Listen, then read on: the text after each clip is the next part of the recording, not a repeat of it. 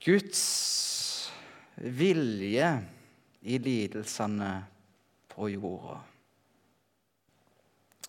Guds vilje i de kristnes liv er det først og fremst jeg vil fokusere på.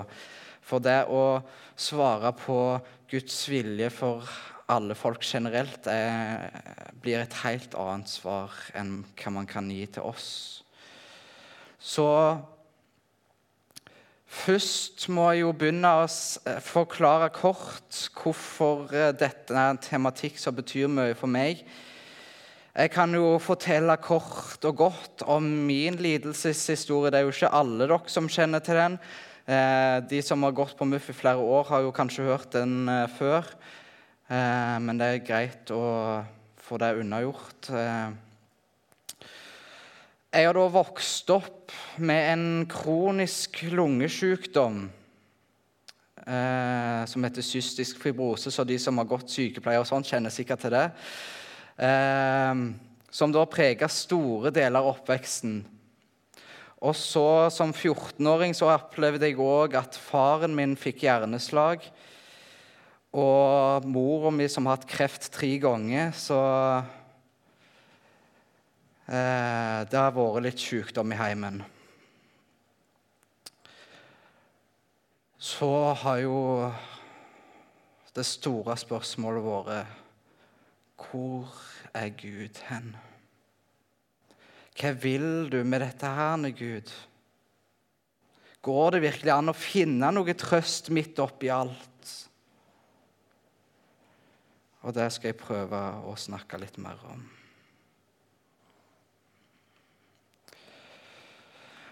Så kan man jo si at det er mange former for lidelser. Angst, depresjon, sykdom og Ehm, ja, det kan jo ikke ramse opp alle, for det fins jo så mye. Og du kan jo kjenne i ditt li eget liv hva du har som utfordring. Hva du har møtt på. Og jeg kan nok dessverre ikke trøste og gi svar på alt. Og jeg tror det er heller ikke meningen man skal finne svar på alt, men kanskje noe. For eh, det er jo det så mange kristne eh, har vridd litt opp ned, da for man, eh, Det er jo så mye fokus på det i dag at eh, tro på Jesus og ta imot Jesus, så skal bare alt gå deg vel. Nei, det er bare tull. skal jeg si dere. Det er absolutt ikke sånn. Det kan jeg bare si med en gang. Så hvis dere hadde forventa at hvis du blir kristen og alt går på skinner, så eh, Nei, jeg skal ikke si da kan du ikke bli kristen lenger. Men, men, men eh, da har du nok kommet på rett, feil plass. For uh, det er nok dessverre ikke sånn. Og det Gud må ha vist meg mange ganger i mitt liv, er at min vilje og Guds vilje kan være ganske forskjellige. Det er jo ikke en ukjent bønn vi ber i Fader vår der det står Der vi sier og ber La din vilje skje.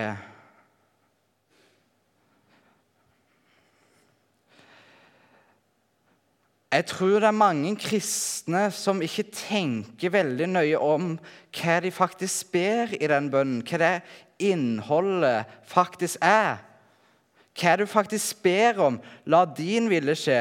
Du ber ikke om 'la min vilje skje', men du ber om 'la hans vilje skje'.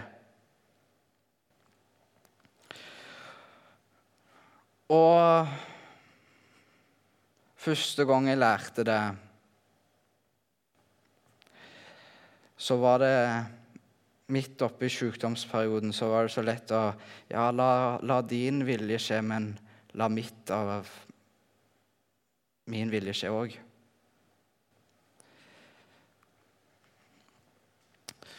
Uh, og den bønnen, den lærer du kun når du kjenner Herren, når du virkelig kjenner Gud, når du vet at hans vilje er faktisk tvers gjennom god.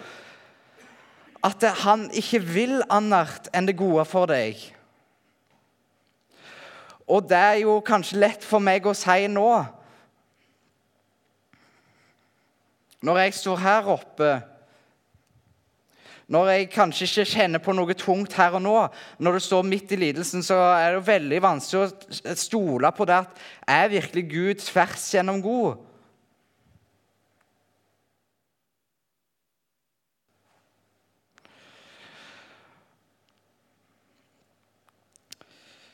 Det kan jeg bare si med en gang det er han.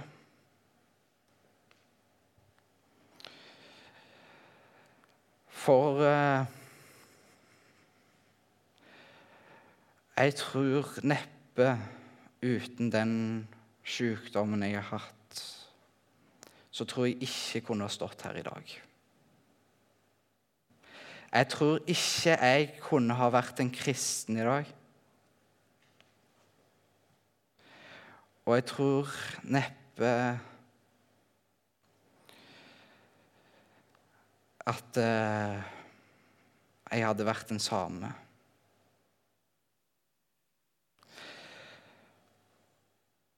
Det blei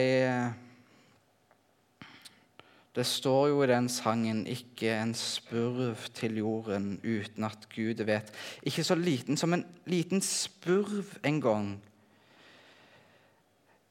Altså Ikke så liten som en spurv faller til bakken og dør uten at Gud vet om det, uten at Gud har kontroll. Hvor mye større tanker har han ikke for deg, da?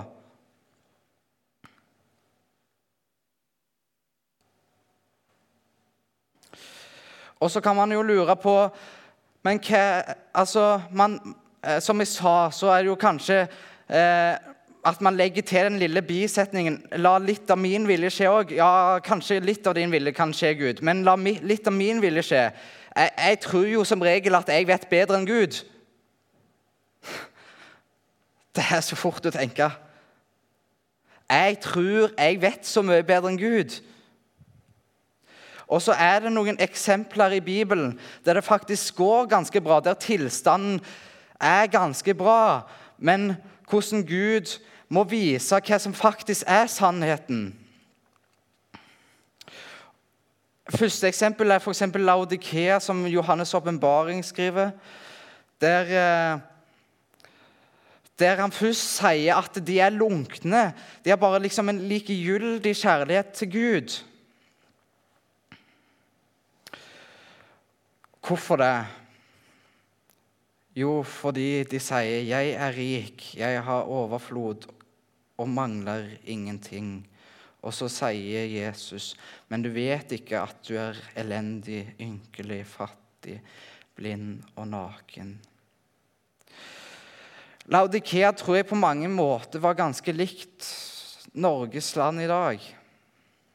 Hadde rikdom, hadde velstand, alt det og, og Iallfall innenfor menighetene og sånn, så er det mange som bekjenner seg som kristne.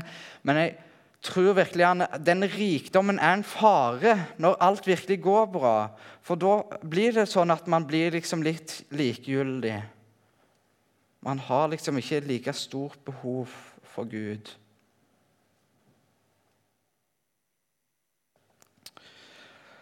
Salomo, som virkelig hadde alt han kunne peke på, en uendelig rikdom, hadde verdens største kunnskap. Likevel måtte han sitte med, igjen med den følelsen av, som han sier, tomhet og atter tomhet, sier forkynneren. Tomhet og atter tomhet. Alt er tomhet. Hva vinning har mennesket av alt sitt strev som han plager med under solen? Man har så lett for å tenke bare jeg får det eller det, eller bare jeg blir kvitt den og den tingen eller det og det problemet, eller sånn og sånn, så, så blir alt perfekt. Det trodde jeg. Jeg trodde den dagen Gud helbreda meg, så tenkte jeg ja, da, da skal alt bli perfekt. Da er alt på livet på stell så valgte faktisk Gud å helbrede meg på en underlig måte. og Det kunne jeg hatt et veldig fint eh, vitnesbyrd om. Men det er den tingen som skjer etterpå. Fordi man automatisk tenker når sånne store ting om en helbredelse som, som fysisk skulle vært umulig, så tenker man jo så fort at da blir man jo en superkristen. ikke sant? Liksom, da, wow, da, da, liksom, da er du en flott person å se opp til. Men det var faktisk det motsatte som skjedde. I det jeg ble frisk, så første stunda så ble jeg jo veldig takknemlig. Og det var så fantastisk. Og så var det liksom de mulighetene jeg ikke hadde til tidligere. Jeg hadde ikke muligheten til å løpe før. Jeg hadde ikke muligheten til å være like sosial. alt det andre. Og når jeg plutselig hadde muligheten til det, så ble jo det gradvis mer og mer og mer viktig for meg. Og behovet for Jesus gradvis forsvant.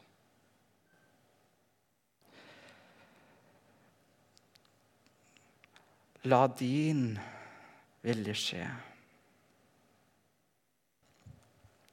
Så måtte jo Gud vise meg disse to versene som vi har lest her. Jeg satt igjen til slutt med denne tomhetsfølelsen. Det var liksom noe i livet mitt som mangla.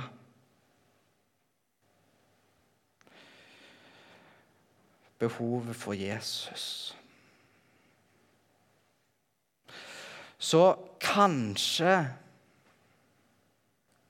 kan Gud bruke lidelser til å bevare folk, føre folk nærmere Jesus. Og er det ikke det som er viktigst for oss?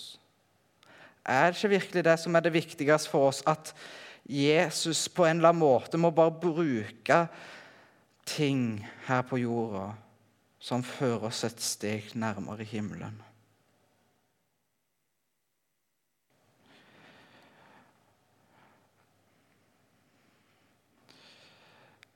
Det er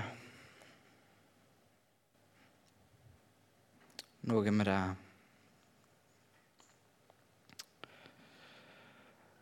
Han sa til alle, om noen vil komme etter meg, da må han fornekte seg selv og hver dag ta sitt kors opp og følge meg.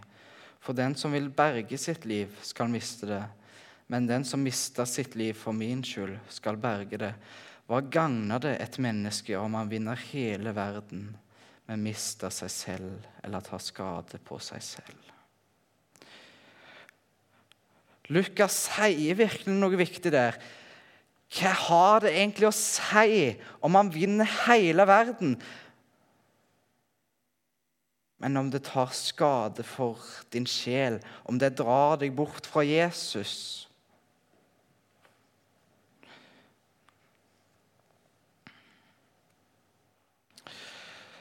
For hvis man virkelig skal forstå Guds vilje, så må man jo stille spørsmål, hvorfor, hvorfor Gud tillater at de lidelsene jeg har i mitt liv Hvorfor skal du tillate noe sånn vondt skjer med meg? Da må man først og fremst spørre Hvorfor kunne Gud tillate Jesu lidelse for meg? For var det én ting Jesus var kjent med, så var det nettopp lidelser. Jesu frelse for deg var faktisk avhengig av lidelser. Uten lidelser så hadde han ikke frelst oss. Han kunne heve hele, Israels, nei, hele, hele romerhæren ute i sjøen hvis han ville det. Han kunne ha tatt herredømme over all verdens land om han ville det. Men det hadde ikke frelst oss. Det hadde ikke reddet oss fra evig død. Så på samme måte som vi ber i Fader vår, måtte Jesus òg be den bønna. Han hadde et ønske om om det fantes en annen vei, om det fantes en annen vei enn denne lidelsens vei. Og så la han bort hele sin egen vilje. Alt i han hva han hadde behov for. Så la han og hvilte seg fullt og helt i, men la din vilje skje. Og da skjedde ikke som Jesus hadde tenkt, eller som han ønska. Det medførte en lidelse som vi aldri klarer å forestille oss. Men det førte til frelse for oss. Så hver gang jeg har stilt meg det spørsmålet hvorfor kan du tillate Gud at noe sånt skjer med meg, så må jeg hele tida stille det andre spørsmålet hvordan kan du, Gud, hvordan kunne du tillate at Jesus måtte gjennomgå en sånn lidelse for å frelse meg. Hvordan kunne du ha en sånn kjærlighet til meg? Så om det er kanskje vanskelig å tenke det og forstå det Men det er av ren kjærlighet, selv om du ikke alltid forstår det.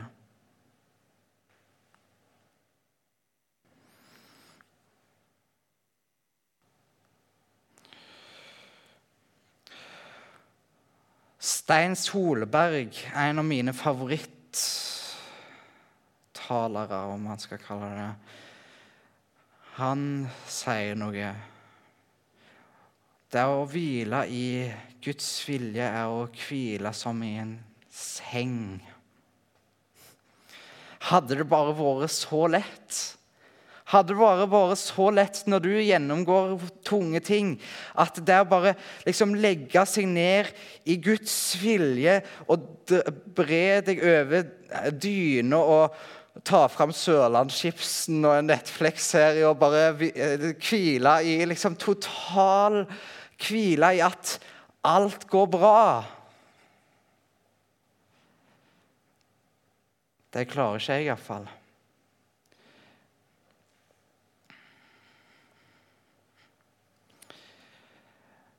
Men uh, desto Og jeg tror det er nettopp noe med det.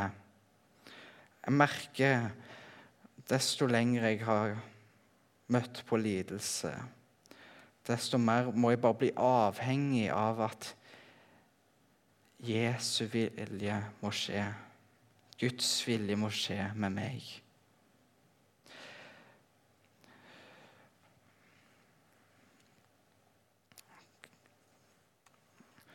Vår Frelser sier at vi skal ta, ta korset opp og følge ham.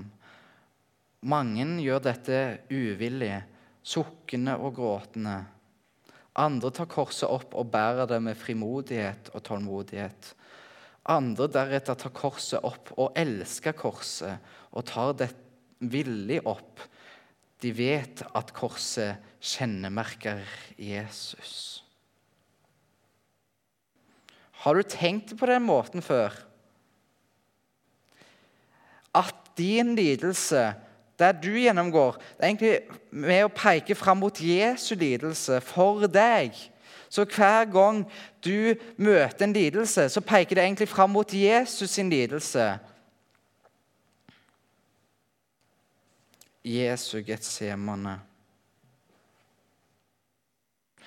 Kristian Skriver sier òg en plass som jeg aldri helt har klart å sagt med hjertet, men han sier det at ja, vi burde egentlig bare sagt 'velkommen, kjære lidelse'. Velkommen, velkommen, kjære sykdom. Velkommen, kjære nød. Ja, det, det klarer ikke jeg nok å si med hjertet, men det er nok noe som ligger i det. Det skulle bare mangle om akkurat denne lidelsen var med og drog deg nærmere Jesus.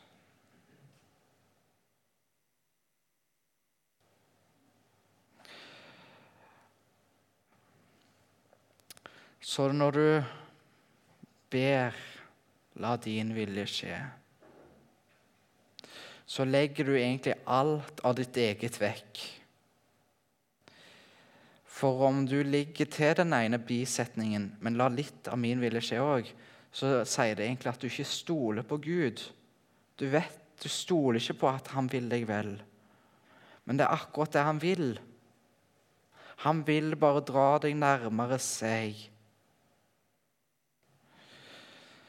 Så når du ber den bønnen, vær trygg på uansett hva som møter deg, så vil han deg vel. Selv om det ikke alltid er lett å forstå. Det er en krevende bønn. Det er ikke alltid enkelt å be den bønnen, men det er riktig. Det er riktig å be den bønnen med frimodighet. For alt han ønsker for deg, er bare å dra deg nærmere inn til seg, bevare deg. Og så tror jeg òg at lidelser Det kan være med å forme deg, være med i helliggjørelsens prosess. Og kan være til hjelp for andre som møter det samme.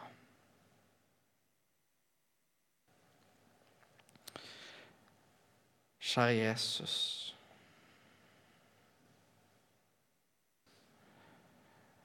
Det er ikke alltid lett å se hva lidelsene dine skyldes.